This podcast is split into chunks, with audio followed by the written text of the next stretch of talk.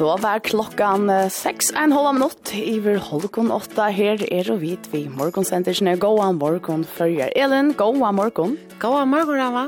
Ja, så standa vi her, og høvestavren er i Øtlund før rundt kavaklatter i morgon. Han har begynt seg for åkken morgon, det må sies. Ja. Et eller man sier ikke nek, det kavar. Men det ser ut til at det kommer nek og akkurat nå. Ja, Och man ska ansa sig lite sinter ta man för att köra till det kan vara halt. Ja. Ehm um, här kan väl laxtra diver men i jazzkväll det var näka så halt alla ständigt att jag vet du körde. Det var nästan bättre och just. Hva sier då då? Ja, det tar snutt jag sent ut och så är jag ut. Nej, att det är det. Men uh, ja, så ansett tecknar när ute och minnes till Enterskyn och i sån uh, kavavecknan. Ja, jo, kava, nei, um, Enterskyn till allt är gott oskott. Det halt. Ja. Vi kunne fortelle dere om det at Solaris vil tvær minutter i hver halvgående nødje, og Solsetter er tre kvarter til fem sedne parsten. Hvor er det baller og soppene? Ja, det er alltid man kan si, ja. Ja. Men i halv vi får tro var i skronna elen tog um, vi tar oss indre kvarjon. Ja, kom. Og skrona hentan her fyra parsten.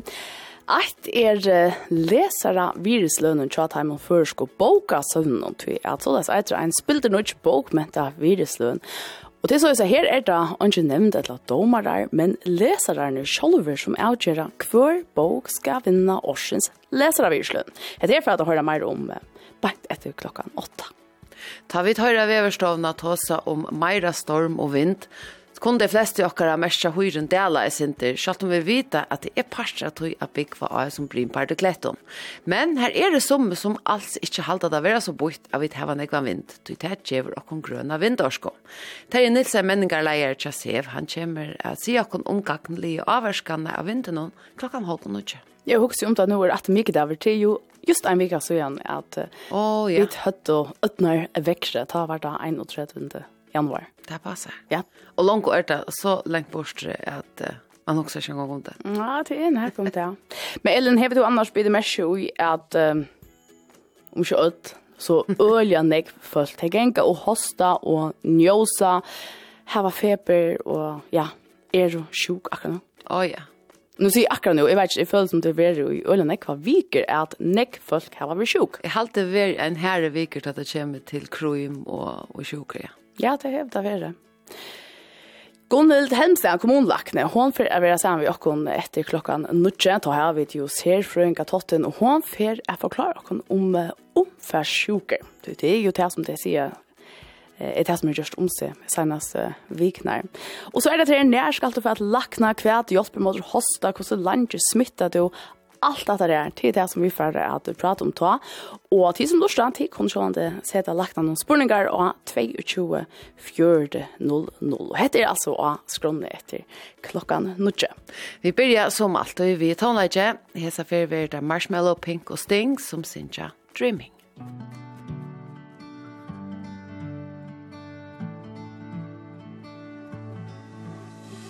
Stay with me. Will you be my love As the days get longer?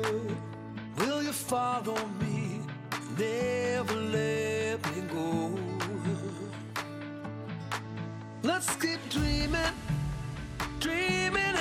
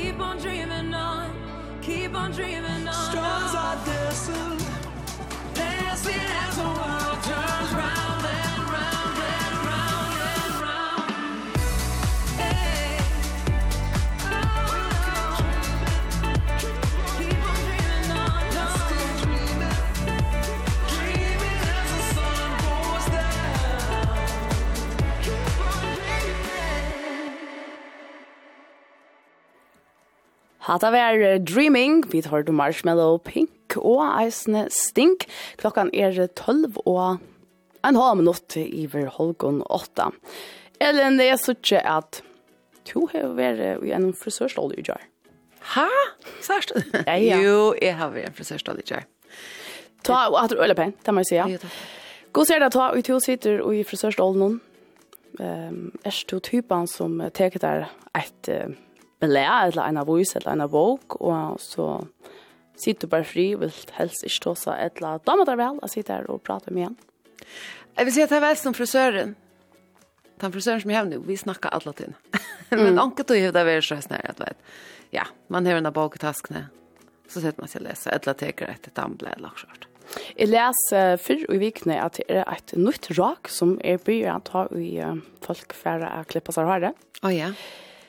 Det er, ja, av dansk hun kaller det det for stille klipp. Jeg vet ikke om jeg skal kalle det for kvirroklipp. Mm -hmm, mm -hmm. Men det står ikke simpelthen om det at nå ber det til uh, å avvisa stedene i Harfriknarstånden i Danmark at uh, simpelthen bøylegger seg et sort kvirroklipp og ta et bøylegger hetta slege av klipping Ja, men ta, det kan som gjør stå verst vi at uh, jeg er ikke å ha og jeg er til å prate. Og i mye er vi klippt. Ok. Ja. Og så hvis visst någon nei, nej nej. Ja, er clip. Hitch. Vil du ha kaffe? Så förstår jag kanske spyr om det Det var sin löje.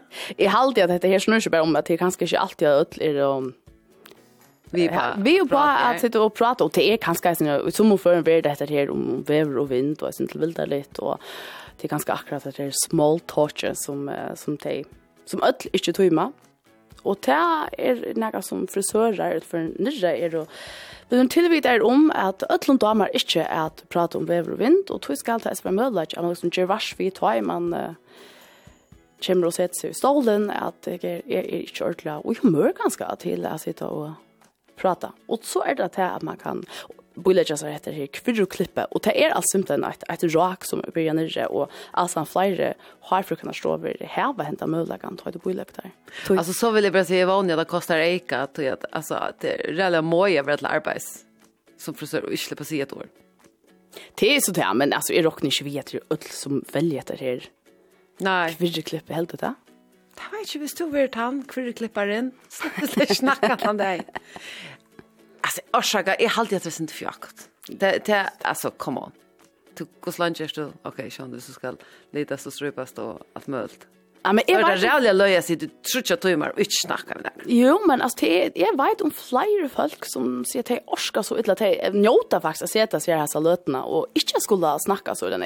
Här huxar jag att man har ju tandmövläggande, att man, man kan ta sig bläd en bok. Ta alltid man signalerar sig inte varska nu nu sitter jag med och läsa. Ja, simpelt. Ja. Vet inte eller sitt scrolla telefonen eller testar som du håll till. Ja. Ja, det tycker det alla flesta har frukannar. Fältchne. Har frukar är nu. Ja. Skilja tint.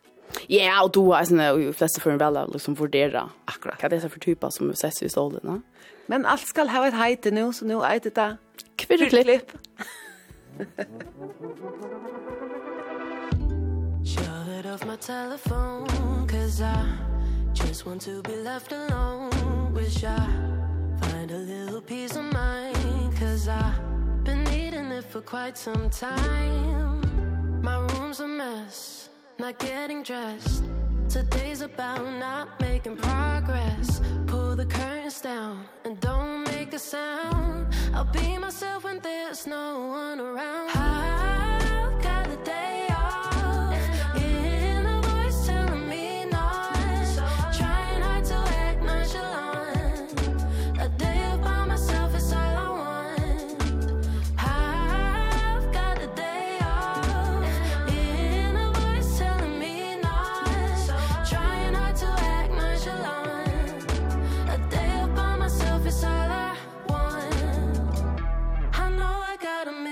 things to do but now I keep ignoring all of those deadlines. Replaced all my chores with late nights. I try to keep up but somehow I'm still a mess. No progress. Many sins made but never confess. I'm staying in, not bothering. I'm crawling back to bed cause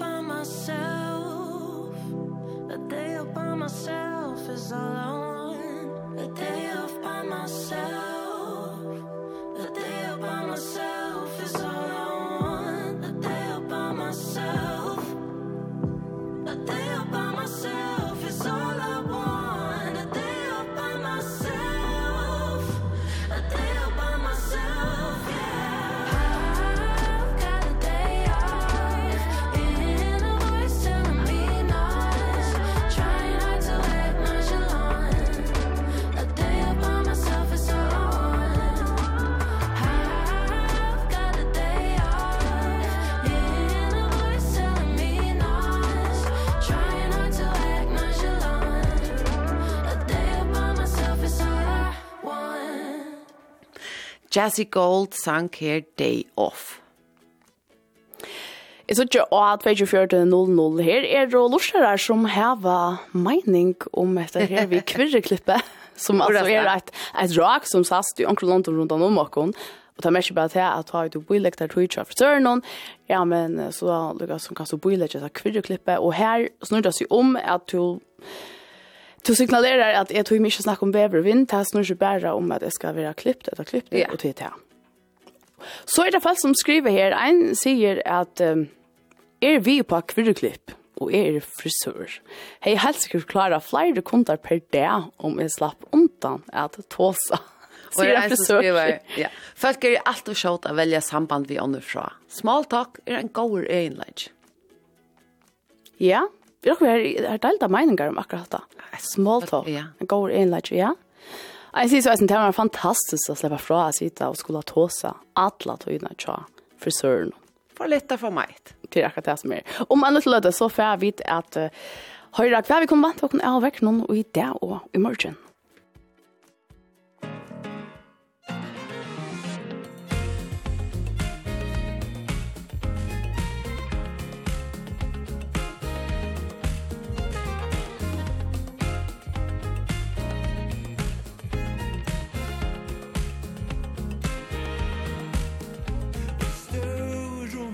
anna mekvone suje bæra te onje anna fengar nu og hoanum er bæra tu Hannu nokon nu at gamne Og kan sorg nu og det dauer farne Jeg vil loja hessa løtu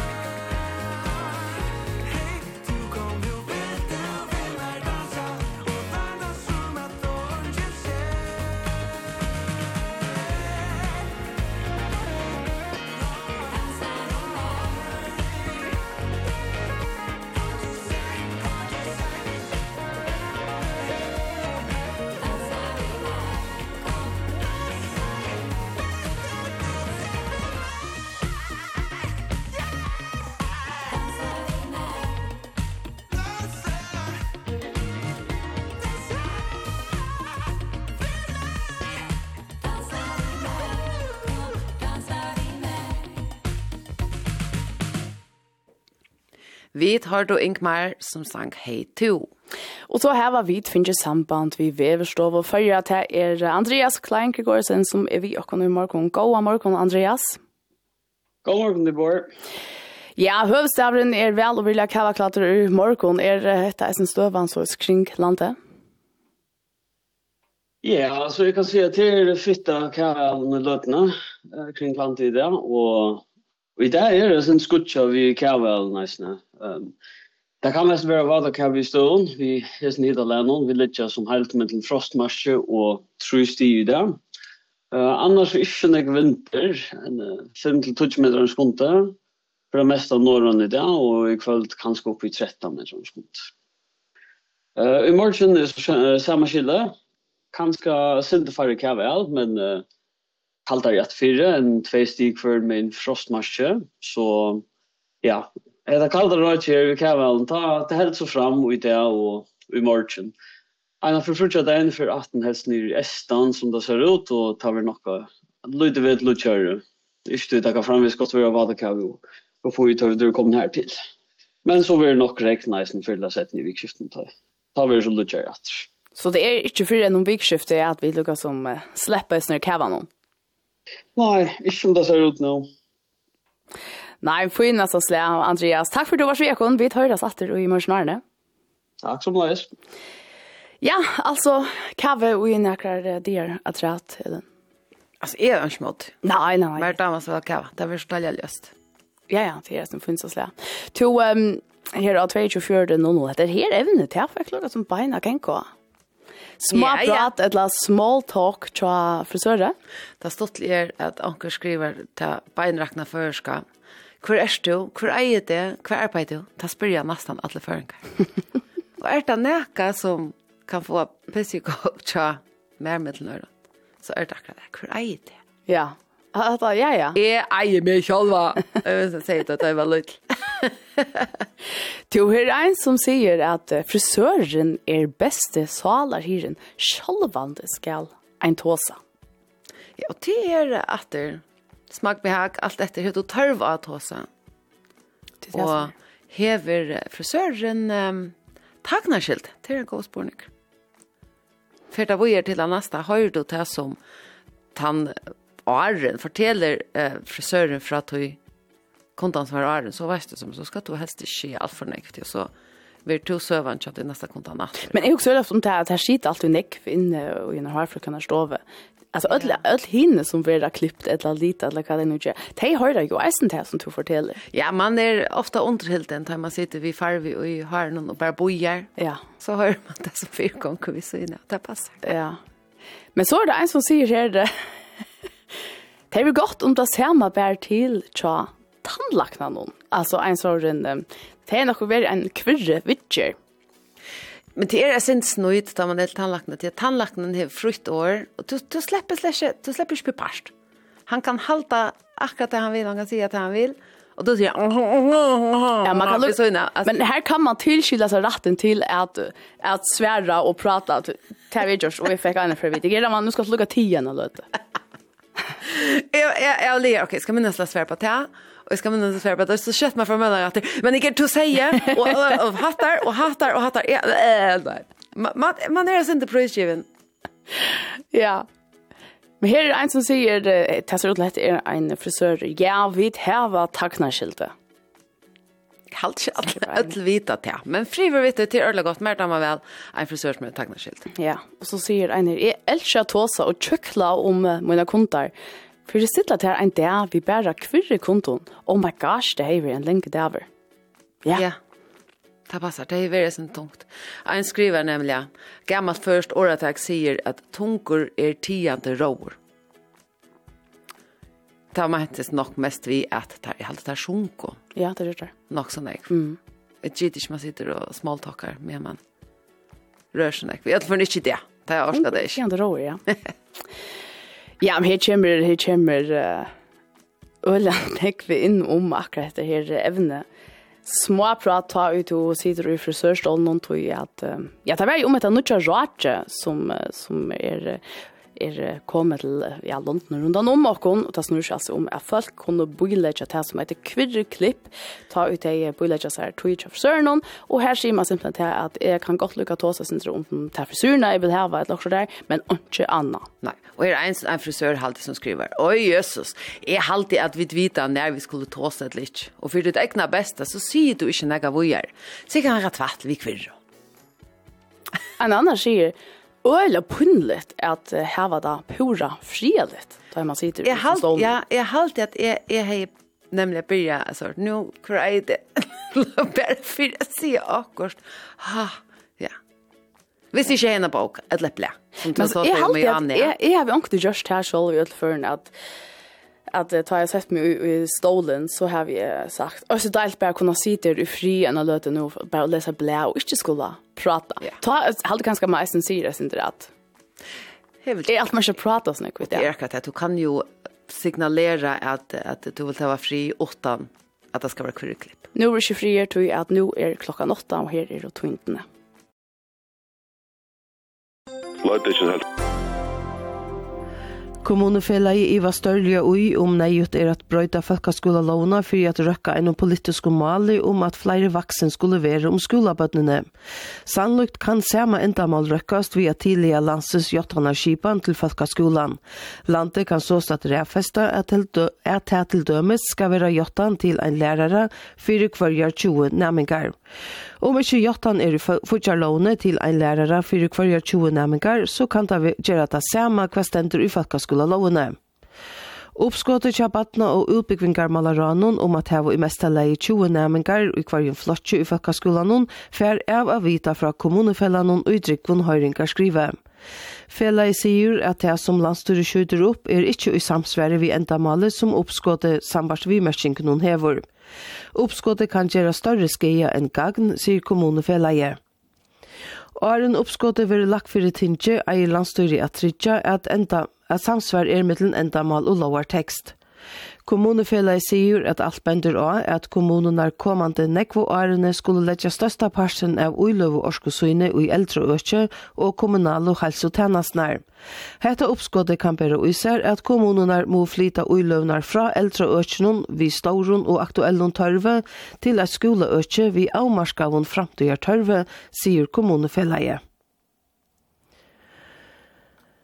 Det er gongst ytla tja vukkongta hollandska høyra nun Gerst Wilders at skipa stjøtn nu enn ein flokkur hever tidsi seg ur samræng nun. Flokkurin tja Pete Omtsikt, NSC, kun gjørdi ui jar at han fyr ur samræng nun.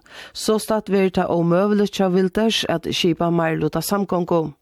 NSC-flokkeren sier at han fyrir at vera jæliger og i framhaldande samtalen, men verir ikkje vi i stjødnene. Hinn veien fyrir flokkeren at omhoksa er stola enn minnelota stjødn. Det kom seg overst av at Wilders og flokker hans er konservative liberale flokkeren som er anti-islamistiskur og iva samer om veverlagsbrøytingar vann vel i Holland i november. Vilders for under samrøyngar vi, vi trutjar flokkar, men utan NSC-flokken og tar 20 tingsetsenar og i tjauartingsnun fer han ikkje kipa Marluta stjøden. Hun tror trus tingsetser er Hundrol trustingssessir er i hollandska tjauartingsnun.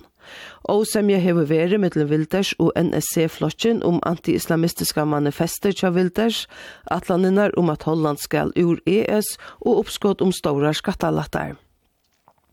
Seinasta stjøttene skulle skipast i Hollande var det samrenganar ut 271 stier, og er en marsk rutte om suger kunne gjeras fortsattes råherre. Han stender nu av åtta fyrir ene firebilstjøttene til semja er om nutja stjøttene.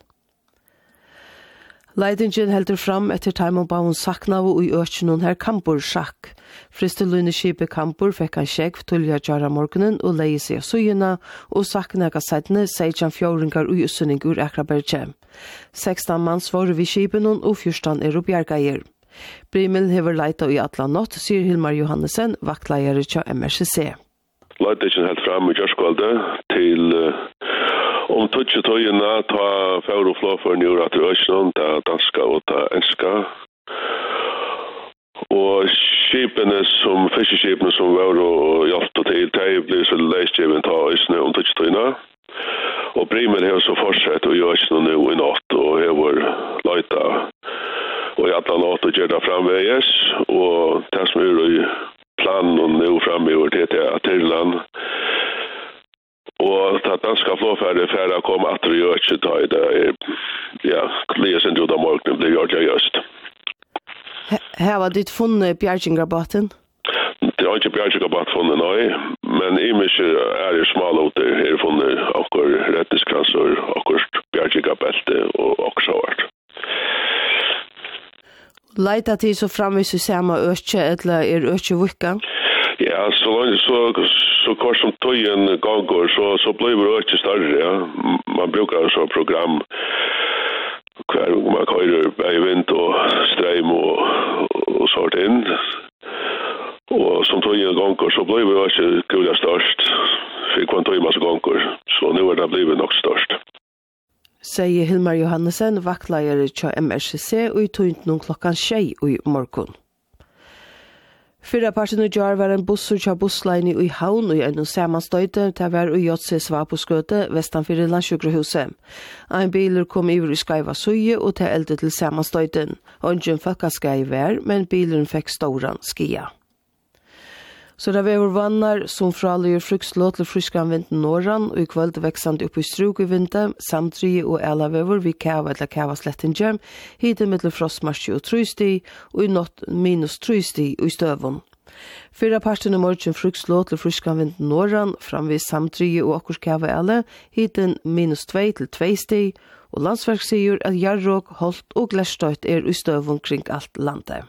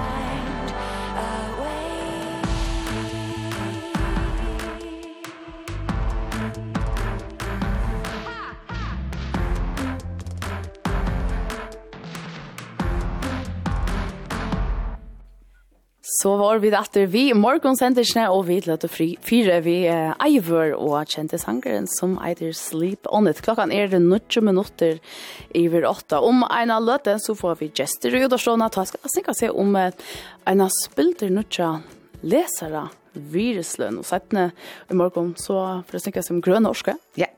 Men åren til, så færre vi lykka kava atter ui eta kvirreklippet til åkon. Så vi da finnes så nekvar vimersingar.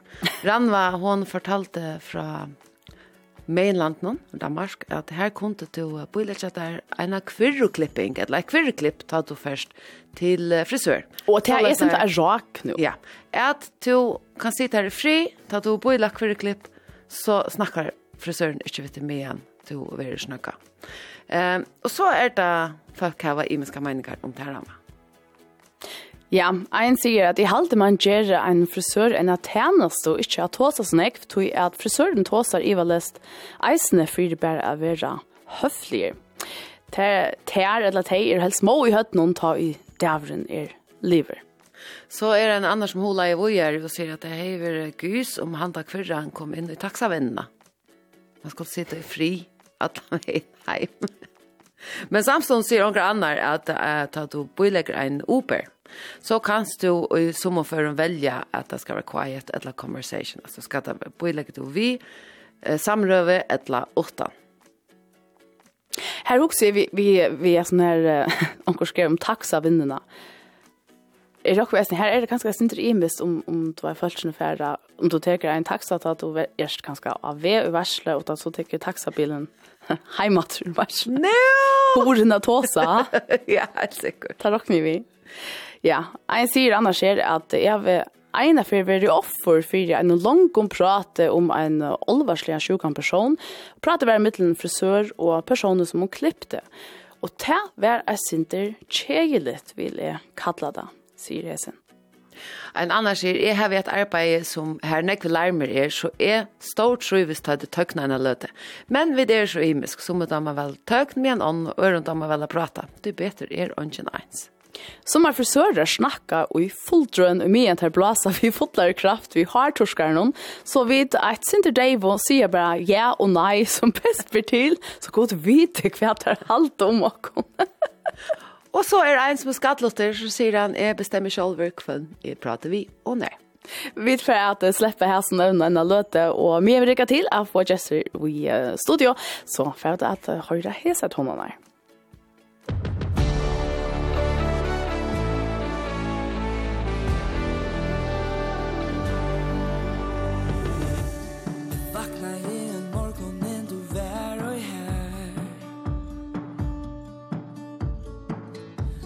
Jag tror jeg aldri natt for at henda mer. Vi vore samman hjärta for å vite og nåt Nu er du färden fra meg, alt enda er så bra. Jeg ser det och huxar Vi förstår du nu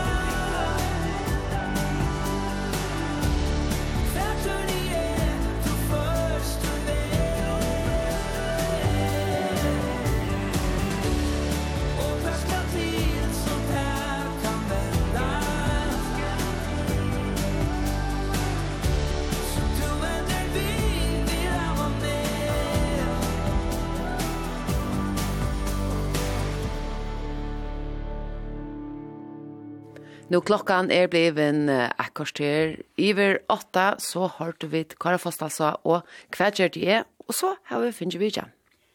Leser av viruslønnen tja at man først går boka søvnen. Så les eitir ein spilter nødje bok ment av viruslønnen. Her er det ikke nevnt et la domarar, men leserarne sjolver som avgjører hver bok skal vinna årsens leser av viruslønnen. Vånbjør Vang fra Bøyer Bokasavn i Havn og Øyvor Jakobsen fra Bokasavn og vi løtjen gåa morgon til Boar og velkomnar. Ja, god morgon. God morgon. Godt spela til at Bokasavn har tidsi sti til hesa lesere av virslønne. Ja, det er en god spørning. Uh, det er faktisk også vi har hos om i, i nok så lenge tog, at vi har som hod til å ha en, um, en virslønn til her som faktisk bare bestemmer selv hvor skal vinne. Altså, det är vanlig och det har också vi tar vanlig bokastans att att och heter det snackar som det ger i London. Att det är också vanligt att man häver en såna virlan har så vuxit på ett kvar för så inte nämnt som sitter och vurderar hur brukar bäst och hur ska vara vi och och vara tillnämnt men det är simpelthen hittar hacktödon köpa och så så släpper fallet folk själva av välja Og hva gjør det her for bokas hans gester at nå, nå har det hendt han mulighet? Ja, men i ødelføren så, så ser det da skjønner ikke at her bøkene som vi er langt der ut, altså, eh, der første bøkene er være nekv langt der ut, og Ehm um, och ofta när gör vi såna topp 20 listor kvart år här som man ser oh ja hesa bökna är i här och där blir det plantar och lyssnar kring mm -hmm. att bögar i förjon men det är kanske inte akkurat här bökna som eh få virslön. Eh nu har vi helt ikke några virslön, bokmenta virslön i färjan. Vi har haft Emma Jakobsen och i Nekvarans år och det har faktiskt varit den enda virslönen som är värre. Eh och för några faunar så igen så kom en annan virslön och det var epivirslön Chariton till Fella Färja. Eh annars är det inte några virslön som bönlös är en bokmenta virslön. Så nu hilde vi att det var typ på att vi fick en virslön som som kanskje ikke bygde av en fagnevn som sitter og vurderer, men at uh, ja, tar, tar leserne som er kring langt å få, få høve at um, at uh, stemma, og, og øyne sette sjøvnegg at her bøkene uh, som, som vi har neglant der. Hvordan er det å ha hun tror folk til å lene seg bøker og ta min imiske bokasøvn nå? Det er det gøy. Ja, altså jeg, jeg kan så bare ta sånn for mm. bojebøkasøvn, men, men i utenfor så, så, så, så ikke vi at utlandstølene de er hakkende, og de er rättligt ovanligt. Det är det är lackande kring Atlantheimen alltså det är ju fysisk utland. Men jag kan ja, lägga vid om 3000 i fjör. Det får när landet vid 3000 ehm bøker og annet til ferie ut av Boja Bogasand. Hvordan blir det til, helt du, at det er flere som lærer seg bøker av Bogasand? Det er kanskje tog jeg Boja Bogasand, eller utenfor Bogasand, i holder tid til å sette nekmøyre inn og røyna vera mer skjønnelig og vi kom an til fire, fire brukerne. Så, og, um, og jeg halte også når folk har bare altså, ment en, en, en lesekultur som vi kanskje ikke ordentlig har sett for. Altså, det, det vekser. Mm. Altså, folk er virkelig AHA i, i bøkene og vil gjerne lese bøker og um, ja, ja. og bruke bøker sånn. Tar føringene som færre av bøker sånn er at uh, lena seg bøker. Hva er det typisk uh, tar vilja lese? Jeg husker en av sjankra. Wow. Det er en god spørning. Det, det er nekra populære sjanker. Og kribi er alltid ordentlig populært. Tjokkon og så er det sånn kærlagsøver i Østner er populære. Så ganske är sånn, ja. Ja, og søver og er nekva, det er så jævlig imest. Og ta en nødjar før skal bøker være djevnar ut. Mesja tid så er det at um, boka sans vidjante alt fri et vilja slippe alene seg hese bøkene. Ja, ja, helt sikkert. Ja. Ja. Det är alltså det är alltid stor grej en grej att han förskugga om. Det är det och det är det var väl lant där. Vi ser vänta åter nu till hesa här spilde nu inte viruslena. Kvist så kommer det här att gänga fyra så är helt uthöjligt. Ja, vi har vi har valt att bruka tältepost. Alltså man är kvar vi man för en hemsidan läser viruslenen.fo. Och så kan man välja en av sin bok någon och så så måste du skriva tälteposten där in Og så først du en teltpost på det, og så skal du votta det i teltposten. Så skal du ikke innastra så inn eller noe sort. Så man får bare inn at kø per teltpost. Så det er, det er ikke sånn med en måte man kan gjøre det på. Og hva kan du si om de bøkene som er i oppskått i at, at få seg for Islanda? Jeg kan kanskje nevne at det her som er tilnevnt der. Det er... Um, Eh det er bøkene tja, bøkene tja Karsten Åttarstøtter som er sommer værer ikke alt er langer, og til en bok som er en skalsø som bygger vujer av jentene, jentene, jentene i verden, som er i verden, henne er første skalsø her. Og så er det Saga Jam etter Høgna Mår, som, som er en, en bok om uh, Jan Annan Muller. Og den tredje boken, hun øyde Tam, og det er Jørgen Torsjønsson som har skrivet henne, til Østene Så det er trutja skalsø som er eh som är där kan man säga att det mest landet kring kring landet i år och till territorier som vi har tillnämnda rösterna. Ehm um, ja. vi tog hukt efter Hagstol för allt allt Ja. Så att det var som den där som är och alltså mest utland i fjör ja. Så jag tycker att det är i kommande år så vill jag inte kanske någon som kommer ut nu är en jul på en jul eller så snarare. Det Er det annars moner og hva at folk døms i havn, lena og hva at vi til lena så til døms her på Det er sin moner, ja, det er det. Ja. Høgne vår er neglanter i havn. Ja. Ikke så neglanter er det stand. Så det var sånn, i rasjøs, i rasjøs, i okkon som var norrfinn kanske. Du, altså han blev lanter, ikke det, men ikke sånn at han, at, at, Nej. Så det är stått lite att det är månader. Ja. Det var ju några böcker som vi lät mest till okej där. Ja. Vi checkar sen. Nei, og bøker som vi helt är att Solon Mikkelsen för hälsoklar var en av Tøymon, men uh, det var inte. Det hon hon har ju upp at opp og i Neckar alltså. Neckar ja. Um, men det var hon ganska nästa. Helst ja. Og jeg kan Isaksen i östen alt og i nekkland. Ja. Ja. Det er sent imisk kvært bogasøvne i bursur, altså som vi har nekt helt tøk med andre kanskje ikkje hava. Lægja det mest til at her som man gjør mer på sjord, her, her vera flere folk som kommer inn i landet. Ja, alltså jag har inte akkurat höll för tog, men det är det helt säkert. Det är alltid, man kan säga. Det, det, man, man blir mer bort, man sån sånn er, er om och man brukar det mer alltid, da man ser att det händer hendet ting. Og det är det ekstra bøker som lukker, så kan det lämna, lämna böcker och så sånn. Ja, jeg vil si at vi er nesten nødt til å være skjønne det, Ja, fordi at... Uh, Så det er sånn jeg anna underhold og uh, anna visse med etla tiltøk man kan fære til, men uh, Bøgason kunne nekka anna enn kanskje en vanligt kommersielt tilbå. Altså, det er uh, kjølsamt å slippe inn av en, uh, en sted her som ungen vi alltså vill sälja där näka eller vill där näka eller vill ju bevisa att näka du kommer bara på och du har för jag resa ge att som tror hot till läna att som tror hot till huxa att som tror hot till. Och vi lägger oss upp till att folk är det på sån att det inte bara skulle läna böcker men det är ju sen brukat det och Sitta på vad folk in nämligen och och sätta sig här vi en bok. Det är ju så öll bara lära sig bok för hem. Det gör det nämligen och till till Ranek folk som kommer och bära bära ver är i på och sån vi vi har kallat det för verus där och nek herrans arm. Men det är ju nek folk som bara kommer. Nämligen som kommer att göra uppgifter eller onkur som skal um, gjøre okkur større prosjekt, eller, eller bare å sitte i fri og navn og løpt, så kommer det i Bøgasan. Mm. Og familie. Og sånn, eh, badnafamilien er ikke glemme at her kommer ølen jeg. Ja. Når her var Bøgasan mest at gjøre, altså når og er noen? Oh. Ja, jeg vet när ja. Jag du måste ju.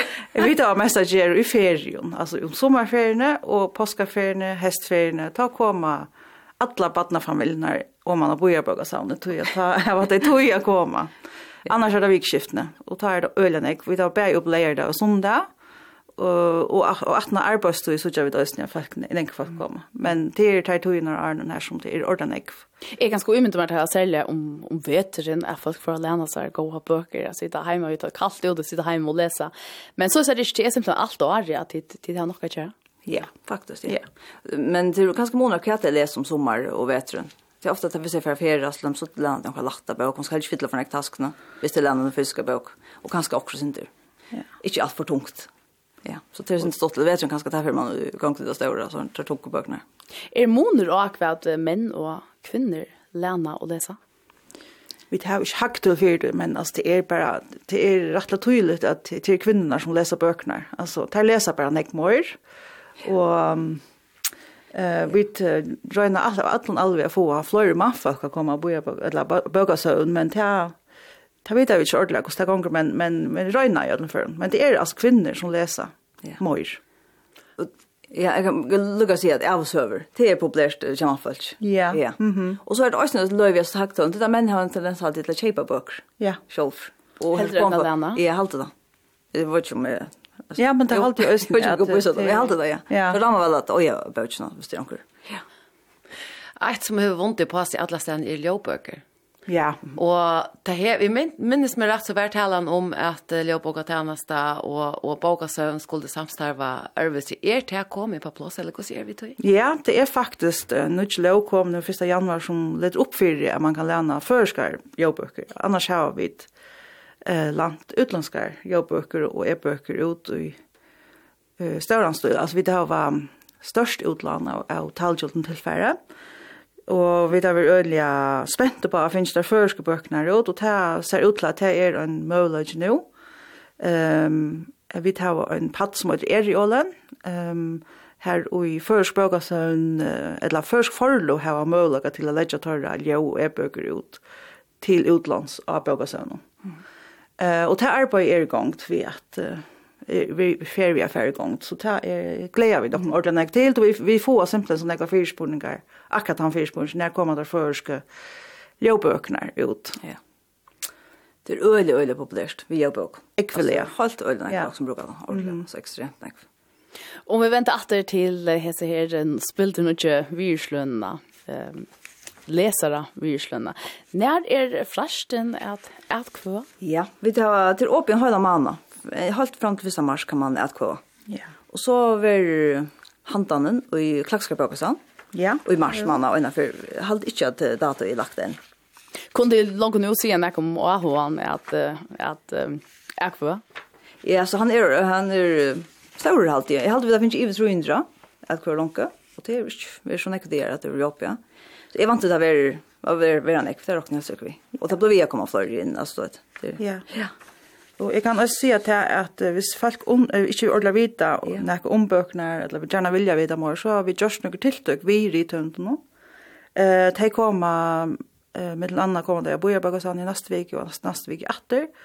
Eh och ta över hava folk hör vi komma för boj att han hörandes upp och samråda vi omkring om böckerna. Vi steg er i iva om hva de vilja velja. Mm -hmm. Fralukt Vånbjørs Vank og Øyver Jakobsen, takk for vidtjennene til vår. Selv takk. Selv takk.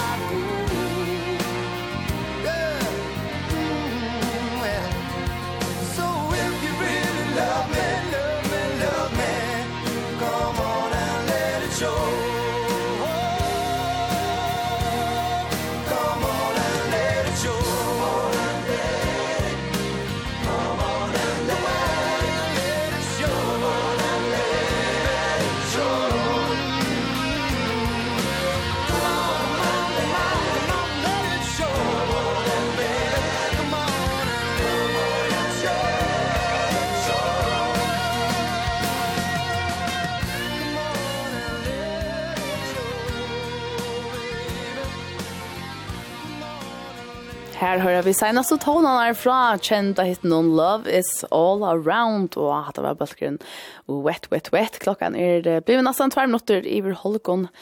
Nudjo, Elin, om et lydebil, så får vi det enda en gest av Vidjan. Ja, til deg med over som er glæver, ta ui nekve vinter er. ja. Tui at så fær han vind og sønne vindmidler.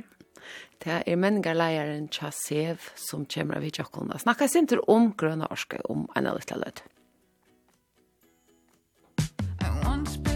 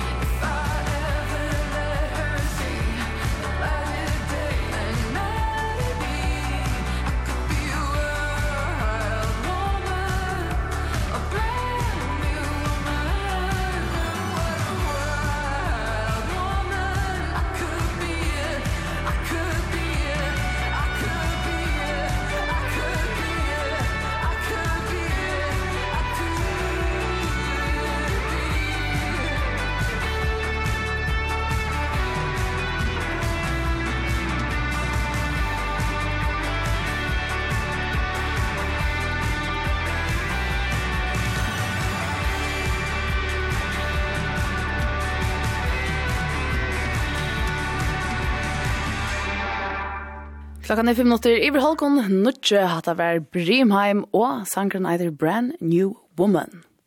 De fleste i okkar soffa tar i vidt høyre veverforsakene om nekvann vind, men som i er utav som klappa og sånne små og henter tar de høyre om nekvann meter sekunde.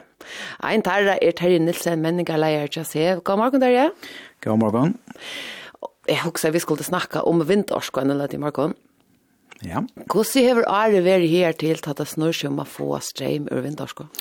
Så Ari her til har vært godt. Vi har haft rettelig nekka av vind, og hvis vi ikke er januar måned og i Tørsla, så er det et av den halv, et av den halv fra, og må han noen til det kommer til vindarsk framlagsla, og, og grønne orsk og iverhøver. Jeg halte at januar måned iverskipa seg var 2,5 prosent grønner i fargen, og Og i mener var det ja, alle 72 og om det er 23 prosent i, i Sore. Så, og hvis, hvis vi tar Sore, vi kan se ut vi landet ofte opp i tvei, vi snakker om Sorøytene for seg, og så mener ikke. Og tar vi Sorøytene, så var iverholdt 30 prosent av orske framløsning i Sore i januar, var vindorska. Og så hinner 16 prosentene kommer så fra, fra vatnorska. Og hittar vi så ett mener ikke noen, så var det da, 38% vindorska, så, så vi da finner nekka vindlehølt der, og, og i menersen og i, andre manna. Hvordan er hver vindmølle fremleie strøm nå til Orskenete? Ja, vi har et, et visst antall vindmølle, min ikke tale, men, men jeg kan si så mye at vi innenfor de sørste tve årene har uh, trofalt av uh, vindorskokapasiteten, kan man si. Vi er ferdig fra å ha 8 megawatt av netten til å øyne trus her i Meinersnån, så, så, så vidt øyne få mer på seg urvintene, så det, det er rettelig avhørst. Og er det nå nå mye vi vindmøllene? Er hatt at jeg firma nå arbeider vi øren, eller arbeider man framvis vi får flere vindmøller? Ja, nei, vi arbeider absolutt framvis for å få mer vind enn dette. Vi har bruk for velmøyre. Vi har jo sett at kommunale ut utvestet og skal være grøn. Vi er eller skal lande. Og her skulle vi hava, som sagt, vi hava cirka 30 megawatt i det, og vi skulle hava ganske under 140 megawatt av vintersk opp uh, fram til festret. Så, så det vant han ikke igjen, det gjør det. Og skal det ta alt være fra vinter? Nei, nei, vi, vi, vi vant at vinter kommer sånn det standa for en stor parst av framløsene fram etter, men vattnorskan hever en tøyende rolle og øsne. Og så er det andre atøk øsne. Vi tar et avverst uh, versk oppi et kjattla biogassverset som øsne støv og grøn norsk. Og så er det ærer verskatlene som vi arbeider vi fyrir at gjerast alt samt mer grøn. Jeg husker jo med seg eh, millionær. Er det så at jo mer vinter er, jo mer orske få av dit? Eller hvordan fyrkong det? Ja, vi vi här var ett hot där kan se vi ser ofta ser vi vårt har eh näck regn och näck vinter. Eh men men det är inte så snart att hon ser man att att ju mer vinter det är ju bättre är det. Till ju vindmillar vi så tar det här som ett döme så framleder det här typiskt väl ta det ta vinter ligger mitten. Vi ser ju med skont upp till 25 med skont. För vintern längst på 25. Ja, så lockar vindmillar faktiskt nya och trycktar av honom. Og det her kan vi i januar som et, et godt døme her, så, så har vi sett en, en mye vindfyr, av jeg stemmer 12 og 13 med skånd til 18 januar, og det, det er ordentlig godt, men vi har haft avvis av det er kvart det vil lyd til lunge vinter, kvart lunge framlagslig er fra vinter, men så har det også haft uh, er av det er til døme dømes torsdag en sørste vik og da, hver vi høtt og, og målt og jeg stemmer til trusk, eller holdt trusk og trusk meter sekund her oppe i huset Og fer vinteren som sagt, og pomme ser 25-30 med sekunder, så får jeg ut ølja løyte, for ikke å si ikke på sjur vinteren. Så det er ikke så at, at jo mer vinter, jo bedre är det kan vindferien altså, blöva för nek mer enn en miljoner tåla alltså är det nærkant du vanta eh jag vill inte där vanta men men jag vil si, i färgen här vet extrema vind så så vi vi vi är upp mot det här som det det nästan börjar bila men men nei, vi tar vi tar bedre her till sloppen så för så vid älskala på grund av vinter men och vindmillar vanligtvis när det här man att här är klassificerat upp till 70 sekund Men men som sagt nu uh, låg upp mot Trush så så så det är lika som uh, är inte öliga längt det. Är inte öliga längt men men ser ska alltså uh, för för ordan skilt att här är sen sikta marken och i dimensionering som vill som ger att hålla till näka mer än det. Nekv, nu, nu snackar du om att onkra det är inte och onkra är att det är för nekv En av tøyene var tosset nek om en batteriskipan, så løsner er at man skulle, skulle bære til å gøyma strøm fra vindmidlen og, ta, og i framleislen var større enn et spurningen. Hvordan er vi tøy? Ja, det er en skipa som køyrer ut, ja, eh, og her og kors, hvis vi tar at det sorøytene som er døme, så er det en batteriskipan her kors og i, og i, og i, og i nøkker, eller holdt annet, tvei år, vi rettelig går rundt den, og nå i desember setter vi så en faktisk dobbelt så større eh, batteriskipan opp her i Menersen enn jeg sånne, og køyrer hun øysen nå, Og man kan se enda mal vi batteriskipan er at, og her kommer alt til vindvidskiften, vi har øyla øyjøvn vindvidskifter i fargen, av løte har tutsmuskonti, og øyna løte har ganske 20 og det som enda mal vi batteriskipan er til å stabilisere seg sjøt, og kan man si fluktasjoner fra vinden, og så er vi kan få mer på skjorta. Og det er jo just øyla større moden, for det første sorg vi kunne køyra bare vi vindorsko, det er ikke er det er i verensjøpet, Og det er færre ut innan, for ikke lenger tog i øyne med innan, da vi får løsning med batterikapasitet innan et. Så det snurrer seg ikke om at gøyma strømmen til seitene, men mer at, at, at du først jauna strøm? Ja, jeg har gjort, batterikipan er ikke gjort til gøyma strøm. Vi, vi snakker typisk om at batterikipan gøyma strøm i minutter og, og kanskje oppe i timer, men skulle gøyma strøm eller orsk og i langere tog, så er det andre æreskipaner til dømmes pumpeskipaner vi skulle hitje etter. Men hoksa man för sig att här är så mycket nekve vinter och i förrjon allikevel at det kanskje ikke er så nøyelt. Vi, vi, vi er skulle gå med det langere. Jo, jo, det er nøyelt. Det skulle vi røkke malen, så, så er det nøyelt å gå med orsk i langere tog, men, men, men, men vi kommer rettelig lengt øyne vi at installere batteriskipen og er at høkene, så vi får gå så utnyttet at han vinter som er til han er eh orsku gamsnar i långt tog skal ska te ta vid här vind lite vind kan skönna vik och lock short han tar det här komma till sin rätt. Och hemma syne chatikon här har varit det här som de kallar vära götan fram till 2030 eller 2030. Kan du se at inte om så vära götna? Ja, det är så snarare att helt nyligen og, vår chef och och orskomintlagen dagförste ser vära og, och och vi suttja fyrir okkur nu, eller vi kom til en isu at vi skulle bytja ut uh, månad vi vindarskon fram til festret, og her er vi kom til at vi skulle hava sier omlai 140 megawatt av vindarskon treat. Men så er det så at det er jo Ute til av, av bæa vattnet og vinter om, om sommaren, så vi vil jeg øyla gjerne hava solorsk og anett i øsne, og her har vi drakk noen frem til å vi hava sted middelen, ja, om, vi sier om 55 megawatt av solorsk og installera kanskje avvirkesbygninger og husatekker og så videre. Så kommer til her vi en gåen utkastet til sommermannene, Eh och och vi hese uppbygging Atlant som som är er vinter och sol så så mäter vi att vi kommer upp på cirka 52 95 grön norsk. Så resta, vi ser 8-20% jo, så kan man spyrja hva teg som kommer fra. Og ta, vi, vi er jo i gang til en spennende verskattan i Vestmanna, for vi er opprøva, eller røynta hver en akkurat drekar sammen vi sier svenske fyrtøk som var med neste år. Kjemmet tant høkna rikka, og, og kostnader støy kjem nyr, og et, som kan se man berast vi er av grøn norsk kjelder, så er det, eller kan det komme en rettelig gøy og utkastet til de resterende 8-20%.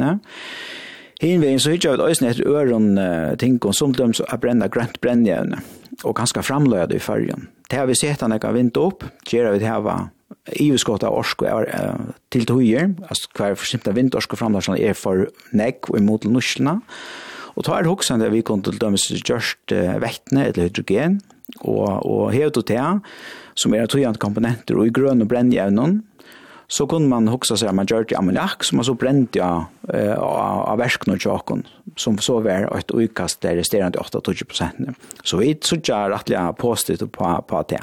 Her er det nok så nekve imiske parameter, eller nekv, nekv imiska orskekjelder, leva det som. Men er det vi solorske, har vi til å være parster av Atlan-lunsje? Ja, vi, vi da snakker om, om solorske i, i nekvar. Jeg halte vi byrja og det første væregøytene som vi løtt og fire en vær langt 2014, 15, 16, ganske her aløy. Og langt ha vær solorske inn, Og, te, og det som, det som gjør sol orske er, og har vært det som jeg nevnte, Johan, at vi har jo ganske avløyde av vind og vatten om sommeren, Og ta er det akkurat vi har så ljøs og tøymaner, og, og jeg skal ikke ha nekka sølorsk, men, men vi har nekka søl, så det gjør et øyla godt utkast til orskskipene. Ja. Ett som manglar og ges ned i myndlen og til er sjåarfallsorskan som det tar seg om. Drekene som har bolagast i Vestmanna sånt. Hvor er det ikke vi i Væregøtene? Ja, det er så snart at, at denne Væregøtene er jo gjørt ut fra en, man kallar det en optimering, en økonomisk optimering, og vi tar om kostnaden som ligger inne for sjåarfallsorskene nå, så er det slett ikke vi. Hivin så er det også spalt vi att prøve å sette prøysen nye av sjåarfallsorskene, og ta kjemmen inn i stora mangdom, Og tog er det hun ikke inn enn. Vi vet at hun ligger her bojar, eh, tar jo tøknene klar, og kostnadene kommer ned og støy, så sørger jeg også at det er verste jeg teker rettelig fitta av kjørefassarsko inn. Så det er bare spørsmål og tog eh, inntil hun også for å vise seg av, av være gutten. Treit er sånn det er at, at tøknene kommer rikka, og at kostnadene kommer ned og et høskende støy. Men hvordan ganger vi dreker nå? Jeg vil si at det er rundt av hvert land som, som sagt ser vi parstrøy, og, og, og vi bor jo øyla spent av suttja urslit, men hvis jeg har vi eier et era rundt av la mennig av hvert land, så, så vi, vi, vi, Jeg halde er så rettelig påstyr for jeg sånn, og det er rundt i gang i Vestmann nu, vi snur større drekkene som kom til landet fyrir, eller sørst, i desember og alt det, ja. Og, og så kjennes vi får røynder herfra, så kan vi gjøre noen mer um, nye større av hva det ganger, men vi vet ikke rettelig enn hva, hva nye større er her. Sars du fyrir der at vi kunne gjøre et land som bare bruker grønne orsko? Avgjørst, avgjørst. Altså, vi det här var så otroligt när kjelter at att det på och i mån till andra andre land eh alt vars er oss näka som vi ikke har gör nekva vi i färjan som ösn er eh avhörs hitje etter, og som vi hitje etter jaunan. Eh Så så jag ser här vi så tar vatten och vind och sjöfall och sol och allt orsko och biogas och kanske ända grönt brännande i öst. Så allt jag vet här var alla fyra sätt för jag kunna göra skrön eh, halvkött alltså innanför några få år. Och då tar sig inte två tre år men alltså om två tre då här alltså. Så till trick var framvis och på att 2003 vi är ett gott mål att stora framåt. Ja, det är allt det är just. Ja. Terje, jeg har alltid ikke, Rama, ut hun spørning. Så alltid for å si takk for at du kom til vidtjøkken i morgen. Kjør så, ja.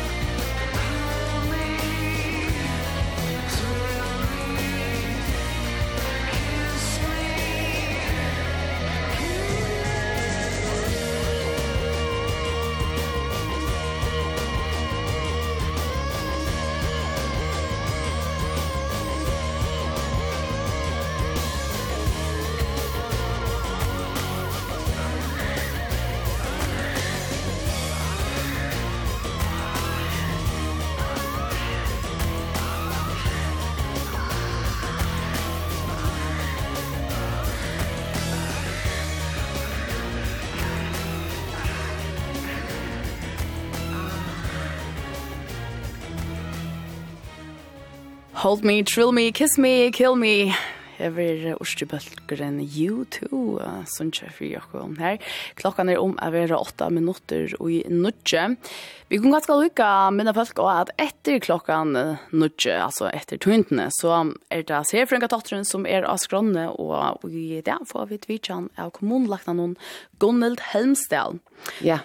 Og det er fyrir at snikva seg om dette her vi at det er som om at alle genga og er sjuk for døgna. Jeg har vært nok så lenge, folk holdt at det genga vi febre, det er noe så dumt at bli fruska at det kommer fyrir seg, ja, og så lett jeg seg at det. Hva er det for nekka? Hvor er sånn ikke folk sjuk? Ja, ikke minst. Og folk snakker enn om, er det korona, er det ikke korona? At det er mest, jeg synes det er hvis vi holdt noen hes for en senest og blatt, veit.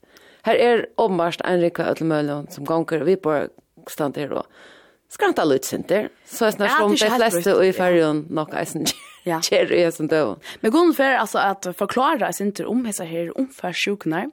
Och um, så för en eisen svära spårningen från till kondorsaron så till är långt nu att sända in att 22 400. 0 0. Ja, äntligen. Hon hon plejer över att donalig och håller av hon att det Ja, just. Att hjälpa. Ja, just. Vi tar åter till Essendra Tonlight. Nu är det Rasmus Sebak som för sin lite i fem.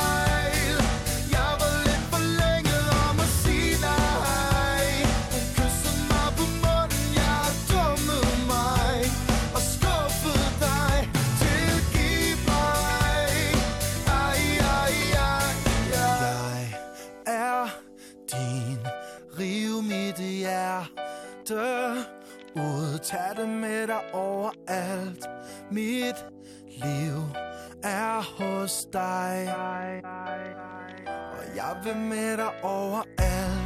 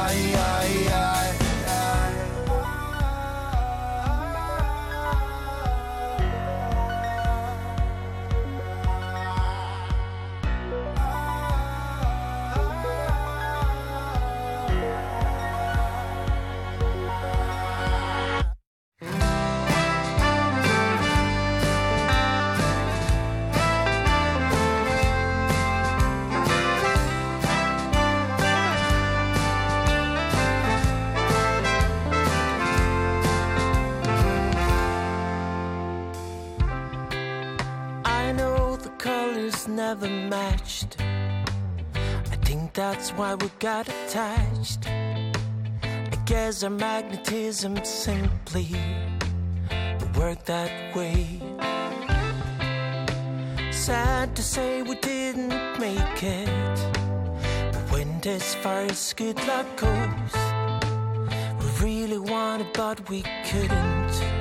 No, we couldn't stay. When the words all slipped gone can melt the sun The reason is unknown. And lovers become one. Whether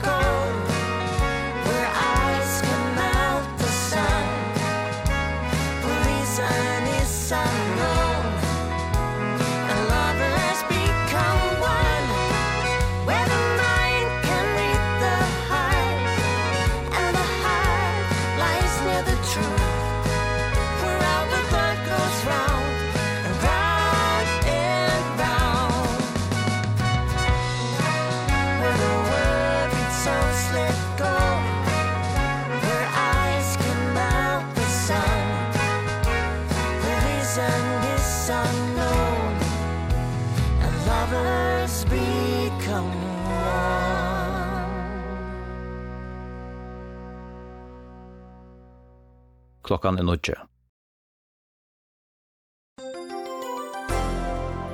Bergkåli under husareine vil skått i jøkkenen i nasta mannaje. Bergkåli som er mittlen Vittlingardalsvegen og Marsnagil i havn verur 1605 meter lengt og 20,5 meter breitt.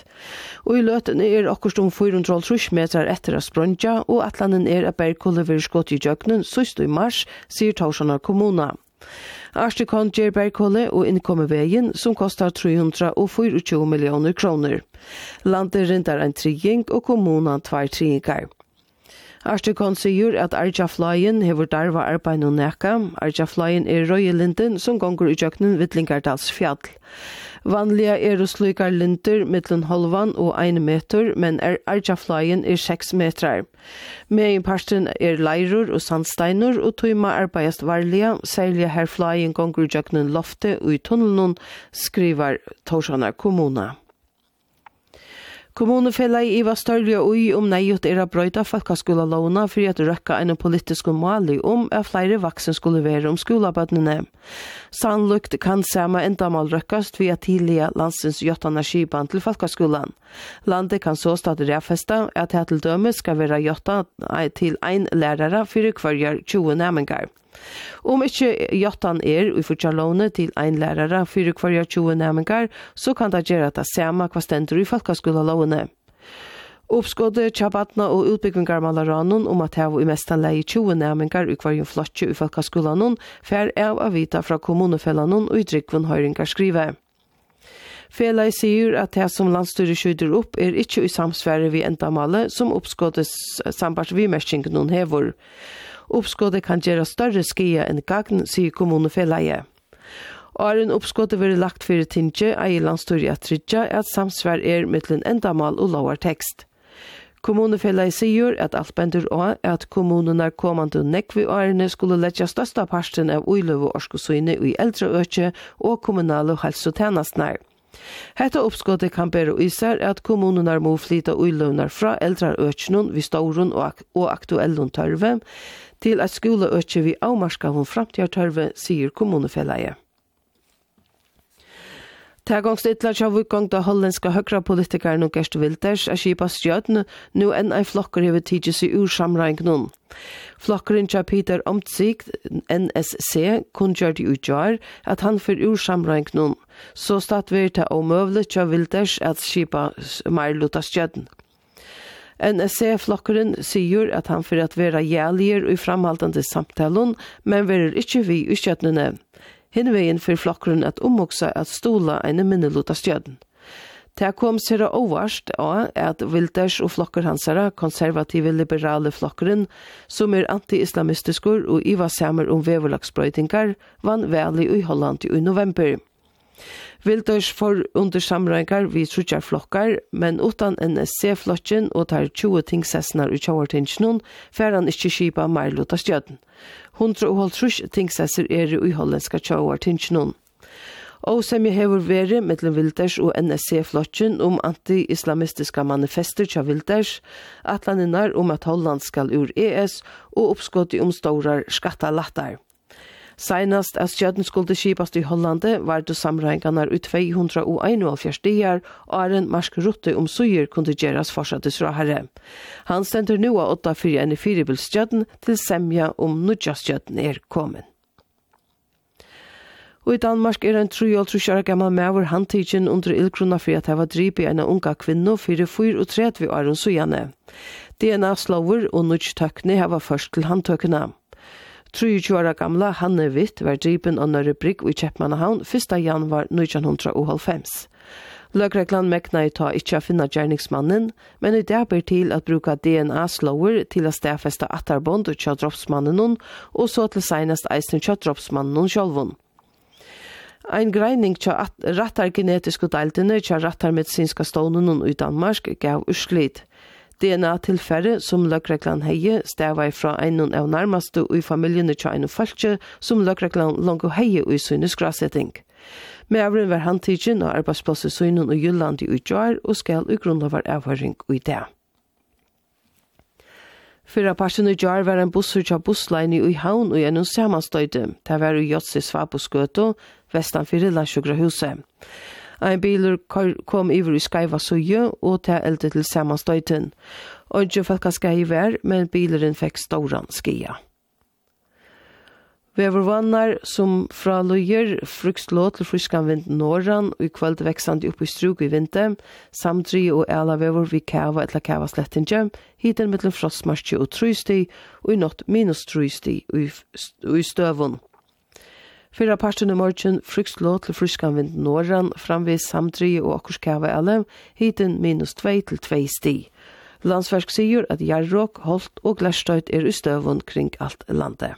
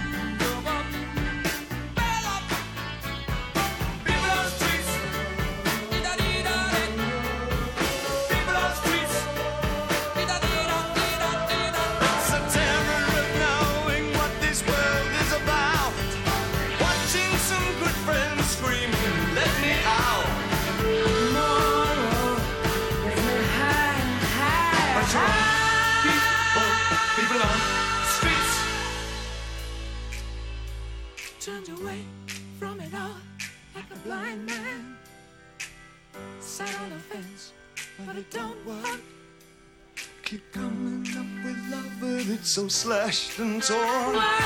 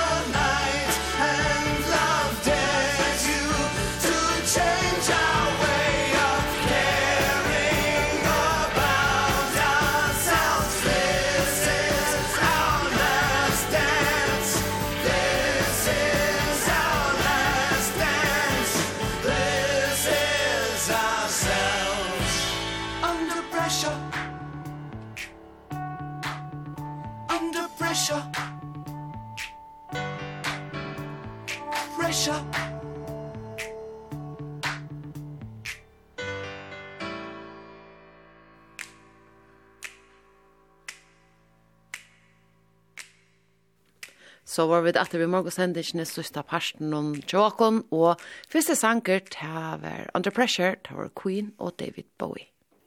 Hoste, feber, høvpuna og nås.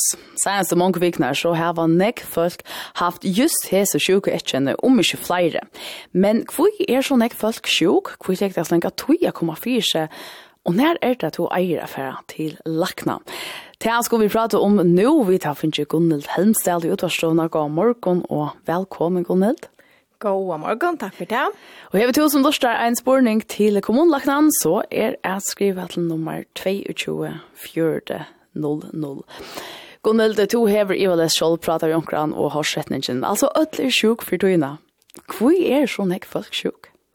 Ja, for det første så, så er det årstøyen vi der, man ser ha havet nu, så det er ikke så øyelig nek av vanlig ved du. Eh, det er kaldt, og vi er mer inne, og ta truvast eh, er bedre. Det er så den primære årsaken. Men er det så at, nu har vi jo to som vi halte, at det er nekfolk som er sjuk. Er det nekfolk? Ja, yeah, det er det, men um, det er nok ikke så øyne nek mer enn en kan det er en, en vanlig veter det det är det nog inte. Men uh, kanske sammansättningen av infektionen sin inte rörelse än det är som man säger det går så en vanlig år. Ja, kvarja sjuker är talan om alltså kvarja sjuker är om sen för dyna. Alltså, hvis man får åter til uh, i hest, så, så var det uh, øyla nekv korona som kom fram att det var, en, en, en nødkjær type. Og, og så, så begynner jeg at alle sier krymne spekler å komme i Mm Og så kom jeg sånn blandinger av undergrunnen, um, bakterielloninfeksjonen, og, og så eisende influensa, kom øyne egen influensa i veter.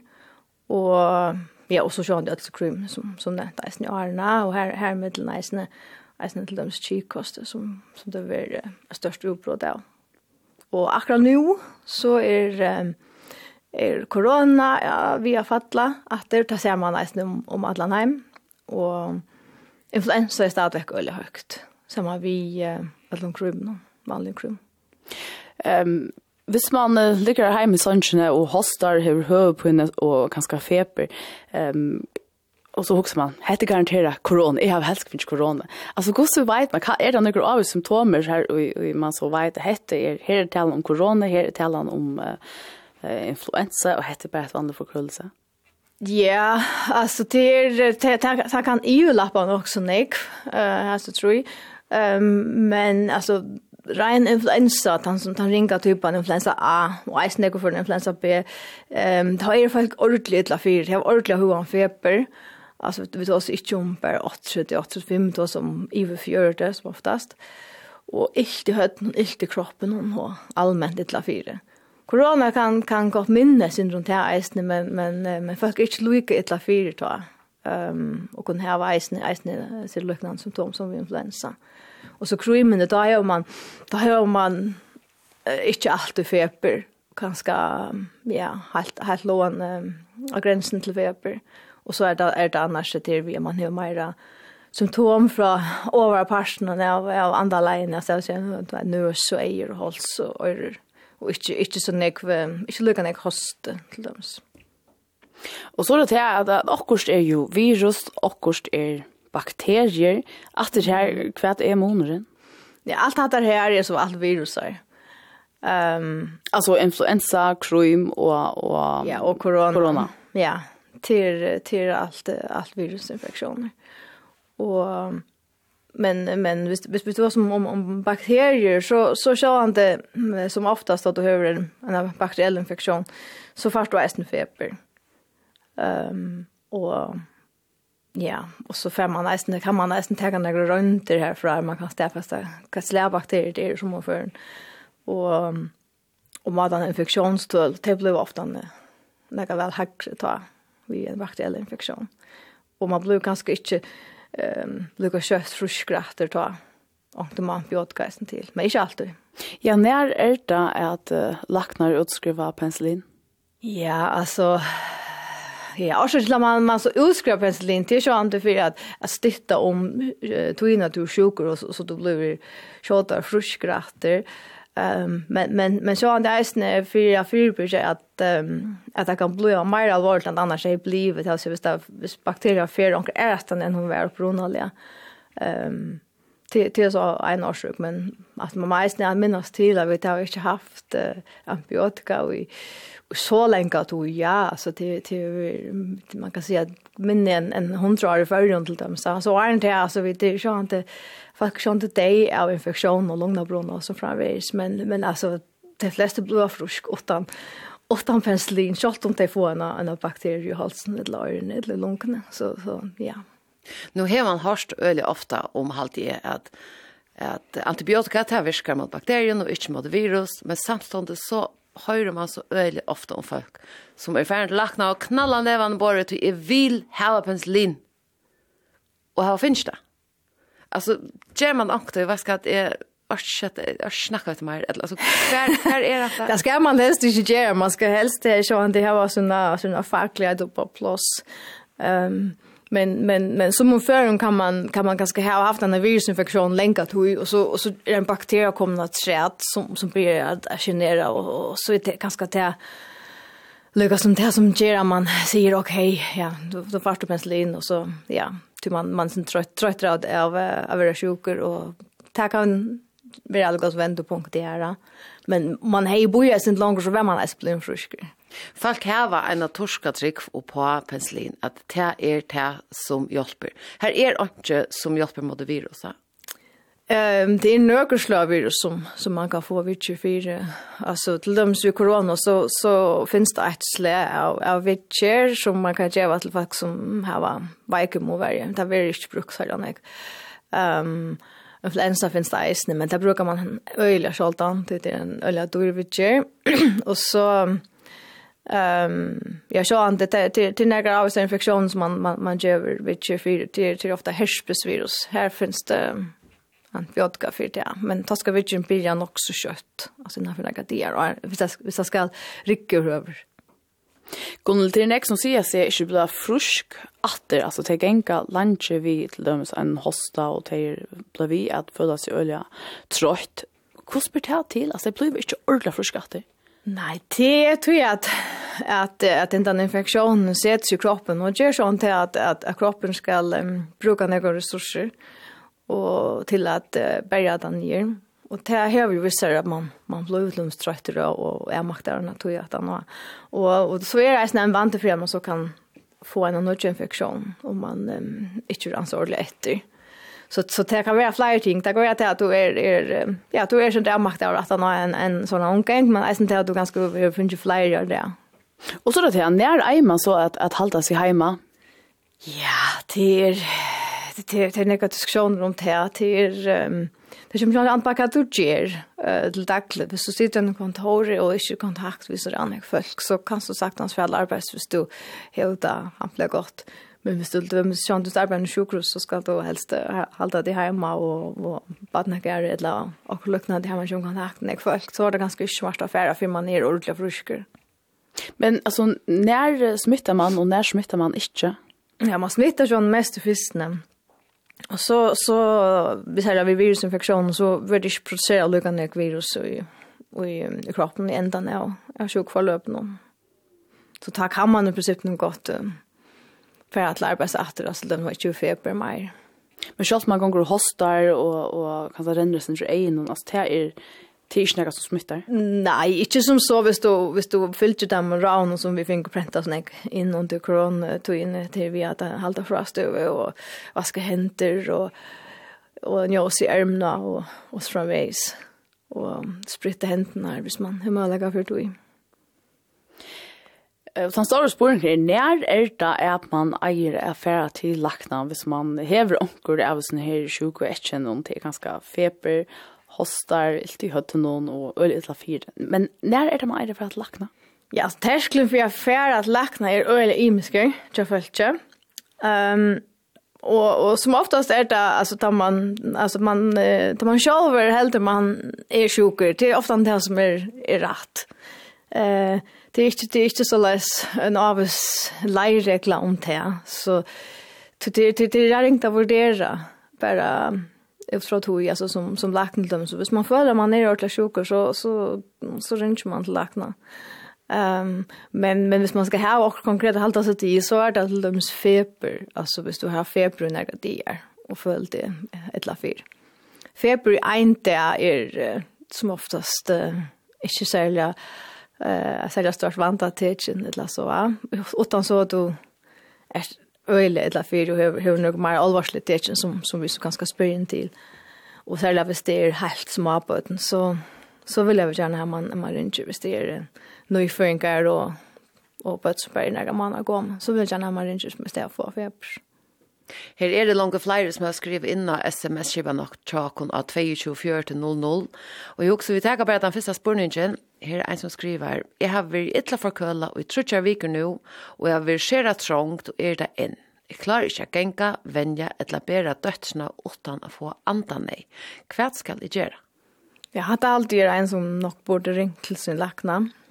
Jeg finner ikke kjørst omkring kanning, og Möjlig har vi kommit till ganska en färhela av, av astma som, som kan komma fram tar man uh, färkrim och annars är inte generat. Och är det något som man kan finna ta? Ja, det är, det är som, som, som um, blir väldigt trångt i samband med en andalaisinfektion. Så skriver en annan lustare, jeg vet til lakna ved døtrene som er åtta måneder. Hon har haft sera hur han feber i några dagar, men feberen var delande. Laknen sa betendelse inn i öronen, men mette at om feberen var vi affæra, så skulle det ta nok færa vekk. Vi malte så gjerne panodil. Hette er tvär viker så gjerne, og døtteren teker seg enn til øyrene og hever minne mätarlist, men hon kan feber. jeg halde av fram vi panodil for at til laknan ett lack kvärt helt to? Ja, det ringte att uttala sig om. Men feber är alltså är det väldigt gott tecken på infektion och visst det vi är för borster så är det nog tog att infektion vi är för borst. Men man kan gå till att vara uppe här i öronen och tog att han att det skiter ganska väta av mittlöronen som sitter och generar och det kan ta flera veckor och en, en tär för borster. Så, så Ja, i bästa för så så är det bara det. Ska hända din mamma så bara halta fram vi panodil och eller Ja, det får ju uttala mig så helt klart om men men det det vill det vara vara nog så vanligt. Men vis vis det viktigaste det är att att mamman känner sig trygg så hvis hon inte trygg vi vi vi stövna så ska han bara ringa till läkaren så tar så vid mer om det att ta. Men det låter inte omedelbart som något som, som kräver eh, antibiotika. Till, eh, om det kommer ihåg så till det är ett gott tecken i öronen. Om det kommer ihåg och det börjar renna för så är det ett tecken på att öroninfektion nu är vi överallt. Men det så, så renner vi länkar att du blir via renna så kan det vara ett annat slag av bakterier. Ta, ta ska man ha några droppar i öronen. Jeg har vi hørt om et virus, A-virus, som gonger til småbøten. Det varst kanskje jeg sinter inn i Ato og Johanne vi, vi uh, tar om uh, sjukken som genga. Men A-virus, hva er det jeg spyrer Det har vi ikke hørt om før, så vet ikke om jeg hadde en stytting for åker Nå sier du nevnte influensa A og B, ja. yeah. jeg vet ikke om det kan være det. Ja, influensa A er, er den, den kraftige influensan, men um, så er det en annen kronvirus att det är adenovirus till rätt som man får vid krim och som ofta gör egna betendelser. Jag vet inte om det är det som vi kommer ihåg om. Som gånger med småböten, egna betendelse och småböten, det, det hankar nog sådana sammen vi först. Ja. Jag minns det är ju alla för en yeah. till. mm -hmm. Absolut. Så sier ein her, jeg har ikke haft uh, influensa, forkølelse eller feber i nekv år. Vet ikke hvordan lengst siden jeg var sjuk senest. Jeg har heller ikke haft korona til og jeg vet om. Min spørning er, jeg etter Longo Vital Classic. Kan eit kost utskøyde gjøre månen, så at man hever gåa immunverjo?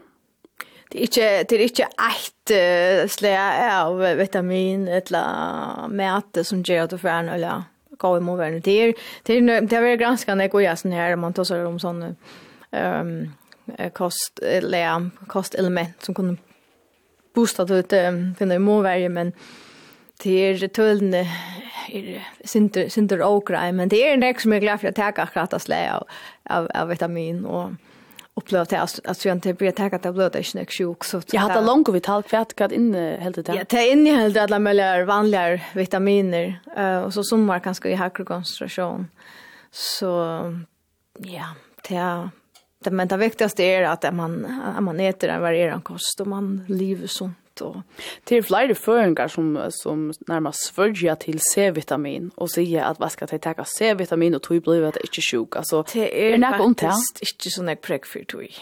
Tog värre. Men det är nästan som trycker på det. Så hvis man tror på det och man följer det rikar så må man gärna ta det. Korrekt, vet du så. ja. Ja, er, er flere som skriver om hosta. Her er ein som spyr kvi fa i torrhosta om kvölde, og ein skriver at døtter okkar hostar og hostar svevish om nottna årsak av hosta, utan feber og infeksjonsår.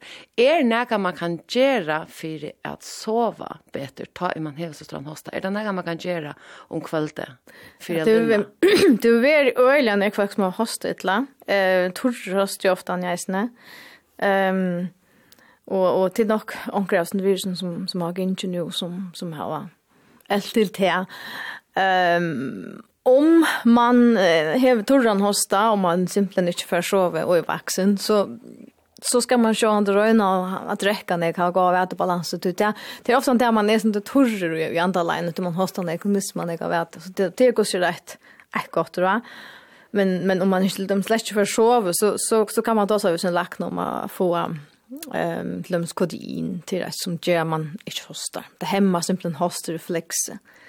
Så det fjärnar inte inte årsøkene till hostan som så, men man kan väl komma ui en sån ömta cirkel här man blir vi att, att liksom som slutter på andalen av hosta, och så stäcka det inte etter Och och men till ankorna det løms ganska fint att äga, tega pandil og man fyrir sång, tega oppreist og som Men hette inte ikke noe man ska göra vi småbøtene, det skulle vi inte ha kodin till dem, sammen.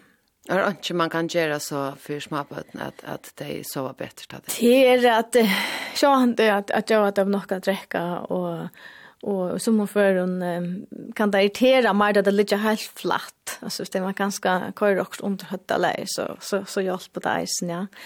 Ehm, um, hvis hasten så hur är ju vik eller så en månad så ska man börja också om det ganska ha ha astma bronkitis. Ehm, um, så har jag det kommer att lackna ut att få vurdera till kusjer.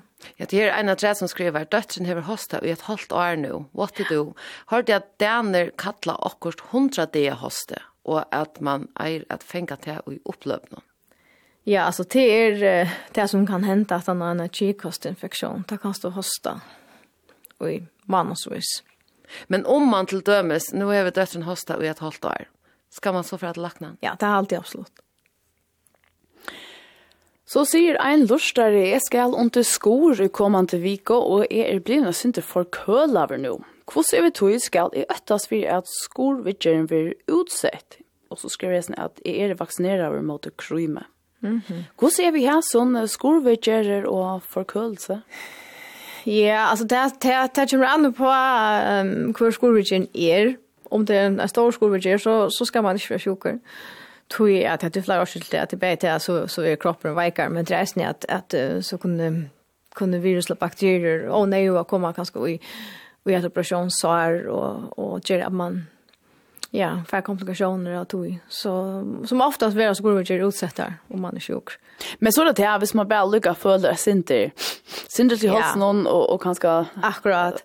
Alltså, det är liksom gång och marsch och så vidare för det. Det är ju German för så vart stort och är en skolvidgärn. Alltså till, till snäga man kan se när vi är är det. Till, till tandläkaren som ska operera som, som är utgärd, ja. Mm -hmm. Ja. Ja. Hvordan er vi bokilskosberein, Har vi det nekka vi influensa gjer? Anke du, men man har eisen sett at uh, det nødgjeste slene av um, koronavirus, at det blir mer symptom fra utgjennom, så det kan møte være at det blir det. Så spyr ein annar ut i som skuffen her, sonen har haft ilt i butsen og så jeg frutja deg, han spyr og kokar blett. Er tog jo på er ikke at lakna, han er 3 år gammal.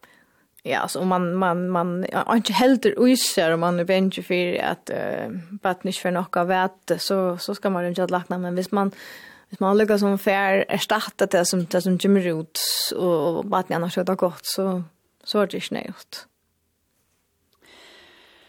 Ehm um, och här skriver en till akkurat det som är ett för när hörst om att en neck folk har akkurat hetta. En skriver för två må vi kan se han var sjuk, mildan feber och ser ring i hö på inne. Nu i morgon vaknar vi på inne i halsen och nu föll med för köla ja. Är det vanligt att bliva sjuk så kött att han har man akkurat hever vi sjuk. Det kan man gott. Som sagt så så blir um, kroppen inte dränar och immunvarian kanske ganska är och det högsta akkurat att man infektion så det tar man ska sätta människa för en annan infektion. Hva kan man gjøre selv, eller selv ta i man hever sjuk, og så får man, blir man lukka som på gjerne steg inn atter? Ja, de allra flesta av oss har ju ett ordentligt gott immunsystem, uh, så vi klarar det vanligene. Men, men om man är en som, som färd eller lätt infektioner så, ja, så ska man halta sig från fra folk har mångt om och anses inte räcka efter, inte man är kommen, man säger, på det. Som att det låter så synd eka vel oj ta ut det akkurat för sjuk og börja liksom å være utsatt og börja på et han tjeneste. tjänst sen att alltså Jared han där kramon att man jeg vet ikke, er du tjukka jakka noen om man är du jeg vet ikke. det är inte det är inte akkurat det som är outgent ja det är det är det är som som som blir lätt sjuk hvis det steg enka ber men det är resten liksom lätt att så det var loj och ju också att det att det är inte individuellt det är det är inte öliga stark där spräck för akra såna kult lika som är det är det er tillsammans vi öllon hinon att jag inte förstå förstå är kallt så så først du inn, og så är så även det og så är liksom ganske mer det som är är orsaken. Jeg minnes det jeg var yngre, da slapp man ikke ut vid vaten här. Nei, nei, men det blir sjukt. Vi var den här, så blir det sjukt. Akkurat. Akkurat. Er det noen empiriske granskning som sier hva? det Det er det nok ikke, nei, ikke ordentlig, nei. Her er et er sindre av det samme, er ønsker hei, jeg vil ofte finne penicillin for lunkna, hals og øyrebruna. Men hun kommer kan ikke minnes at han nekker til å finne penicillin. Hvordan blir det til at det er så imist? Vi bygger jo sammen og burde være utsett for det samme. Ja, det er det. Men det här var nog inte helt uh, som uh, immunvärje. Så det är, han är bara, eller helt i tycker jag, blir inte lätt sjuk. Och, och så är det en del som man kanske kan, kan granska och gilla ta som. Och det är att, att det är limiskt hur man uppfattar sjuka. Um, Alltså när är det issue? Ja, ja. Så som kanske reagerar inte något på att att att snotta sin eller att att ha ha små symptomer och och köra bara av och göra men annor fulla sig rädda så kan ta om och lägga sig och sånt närmast då.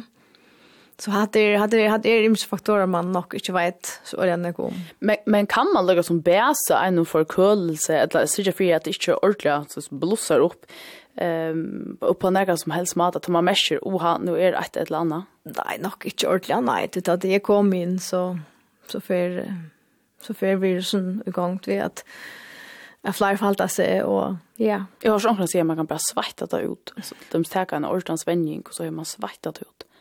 Nok ikke ordentlig, til at, at du er sjuker, så man kan godt vänja men, men man, man är sen vikar då så det är om man vänder det harst så så kan man faktiskt få marskejer. Jag vet inte mer man sjuk så det det ska man ha ansett rätt.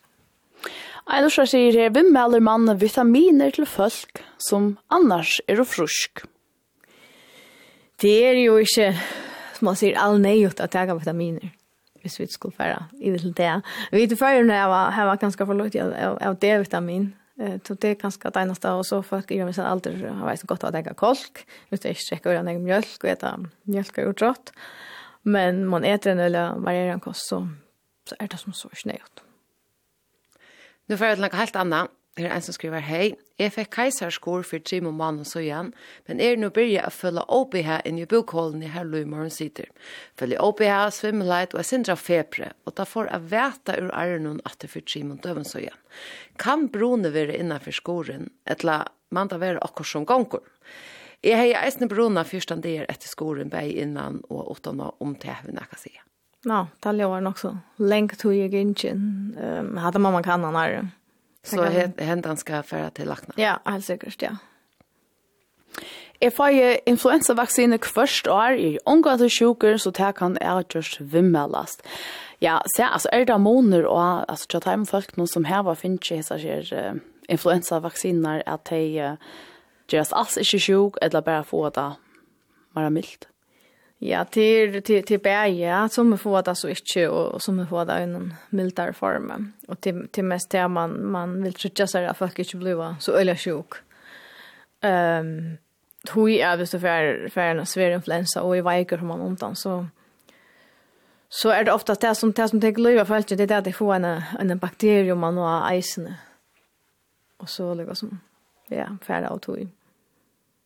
Så det är det är gott oskott om man särskilt om man man är äldre eller har några kroniska sjuk. Mm. Om onker i husen är sjuker är det att ta gott att lufta ut. Nej. Ja, akkurat det är gott att nämna att det är alltid man man tosar allt för löd om. Det är öjla gott att lufta ut. Eh till att efter då som man har att något ändra flyr fair. Det är det är absolut det tar hjälp bra väl att att få få luften att skifta så att virusen som hänger i luften här vara bort på enter. Och det hjälper kanske inte två personer som är sjuka, men det hjälper att hinne i huset Akkurat, ja. blir sjuk. Yes, och det är, det utluftning vi fått lära skera och i, i några minuter. Det är inte att alla väntar stand, stanna upp på tummasvis. Torr på utluftningen en 20 minuter här ordentligt träcker och allt. Yes. Sen där träcker sin kava. Eh, ja, her er jo flere er her. onkel som sier at uh, et som hjelper for i hosta, det er um, jeg kan eite det skum, um, skumputer, eller skumputer. Skumpedoser. Hva er sånn her kom? Nei, jeg er ikke om. Alt rart før. Nei. Ehm jag vet inte eller om du fast också ser som Her er en vimersing laknan. Ein skriver, er bartes vi forkølelse fra at vesne 14 til om leit vesne 20. Vi slapp ikke av vita, tjekk pakkar inn i termoboks og tjukka trøytja torre klei kvarja for hver ut. Kommer kallt låt av meg og jeg etla klatter så blei vi beina for kølar. Jeg konstanta høy på en møye og rennande nøs. Hver dag var vær en bardei. Vær til lakna fikk jeg vite at nøkker er bare lengt høy for kølar, ett tøyerska i måtte jeg sjukermeldast. Så leser jeg ned når man skal tekka jod tilskott. Nå er jeg alltid frusker. Um, og ta i fag i alle først litt krum, så er jeg frusker etter på en veien. Så hesen sier at kosttilskott er løsningen mot sjuk. Mm -hmm. Det er noe som, som mangler jod til fergen. Ehm um, och det det är det är vi bygger det passionen hem när vi det kör så är det jag i maten och det är också så vet jag vill tillsätta jod till salt till dem så som men men det det är såna helt mikroskopiska nötter som som skulle till och det är, det är inte några som man som så kannar som standard utan det är helt säljer så till det. Det vill inte ha så. Ja. Det är fint. Så sier ein her, er her vi en av snurran ala ta fotrumsvever, og i høyre søye av kroppen fra armhålene, nyer etter søyene og læren. Blårønder visste ikke, EKG var fint. Hva for kanning skal det kreve av min og lakna? Ja, yeah, altså... Her må man komme og, og få gjørst det kanske enn å være kanning. Um, jeg, jeg var snur som dom. Um, det kan det kan være alt mulig, det kan nesten være at, at det er en nerv som sitter i klemme, et eller annet, et eller annet, ja. Och så det till sjuka server mamma på YouTube som det mer här. Så hade öll från en som ödlen för ska färd till laxan. Ja, alltså det är blå runt så kommer ut locka dem som man manglar några vitaminer och och, och det är så fint vis man kan rätta på det men visst det visst man inte är klar då så man man lägger som tagga där vi är. Så ödlen för hesen till laxnats. Yes. Här är en som uh, hever gløypt tvei års kanningsna tja baden og spyr hvordan viktig det er. Det er sånn er tvei år og trutja måneder. Skal vi komme til færre nå? Det kan nok godt, ja. Det er ikke alt som kommer akkurat av deg er tvei år. Så til funnet av fyllt vi jo gås baden truvst og um, hitje etter vekt og hatt om den nærløyga som um, det sier menneskerstiden som man skal nå en av seg tog i og ja, det er alltid. Så tackar vi tann senaste spurningen og i dem er have ilt i om kvalma og trusht av brinkna i flere dier nå. Er det bare influensa og hva kan du gjøre for å få det bedre? Ja, alltså att det är ganska synter eh uh, det får symptom ehm så att det inte uttala mig så helt klart om Er det influensa helt då? Det är ivis syndrom eh tar man som oftast huvan feber och eller eller fyr så att det kan vara allt möjligt. Så om man inte är ordentligt eller fyr så kan man gott uh, boja några dagar och vita om också annat kommer att rätt. Ja, men det var det som vi fikk oss stunder til uh, i morgen. Gunnel Hensdal, takk for at du uh, vidtjär hon och grejt ifrån om omfarsjukar og svære utenfor utländs mångkons på den. Ja, tack.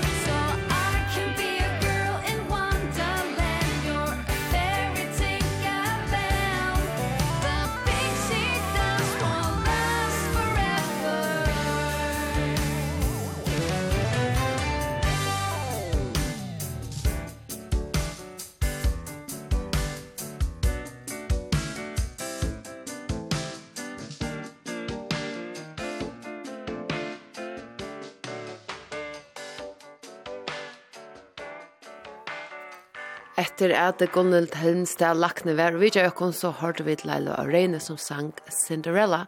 Og Ranva, hette vær er sendt det som vi tatt at bjøa i morgen. Det var da, og er det så løs at du som lortar hever ho til at høyra bråd, et la atla sendingsna, så ber til affæra kvf.f og framskak gmf, og om en løte, så ligger sendingsna i fotløytje, og eisen nøkker av innsløvene som vi da har haft i morgen. Det passer.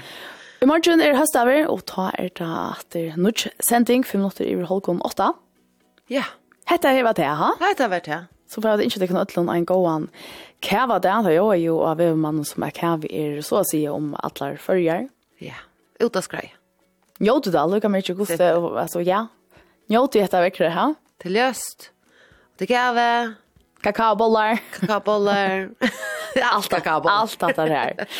Til må ha en gåan, mye det.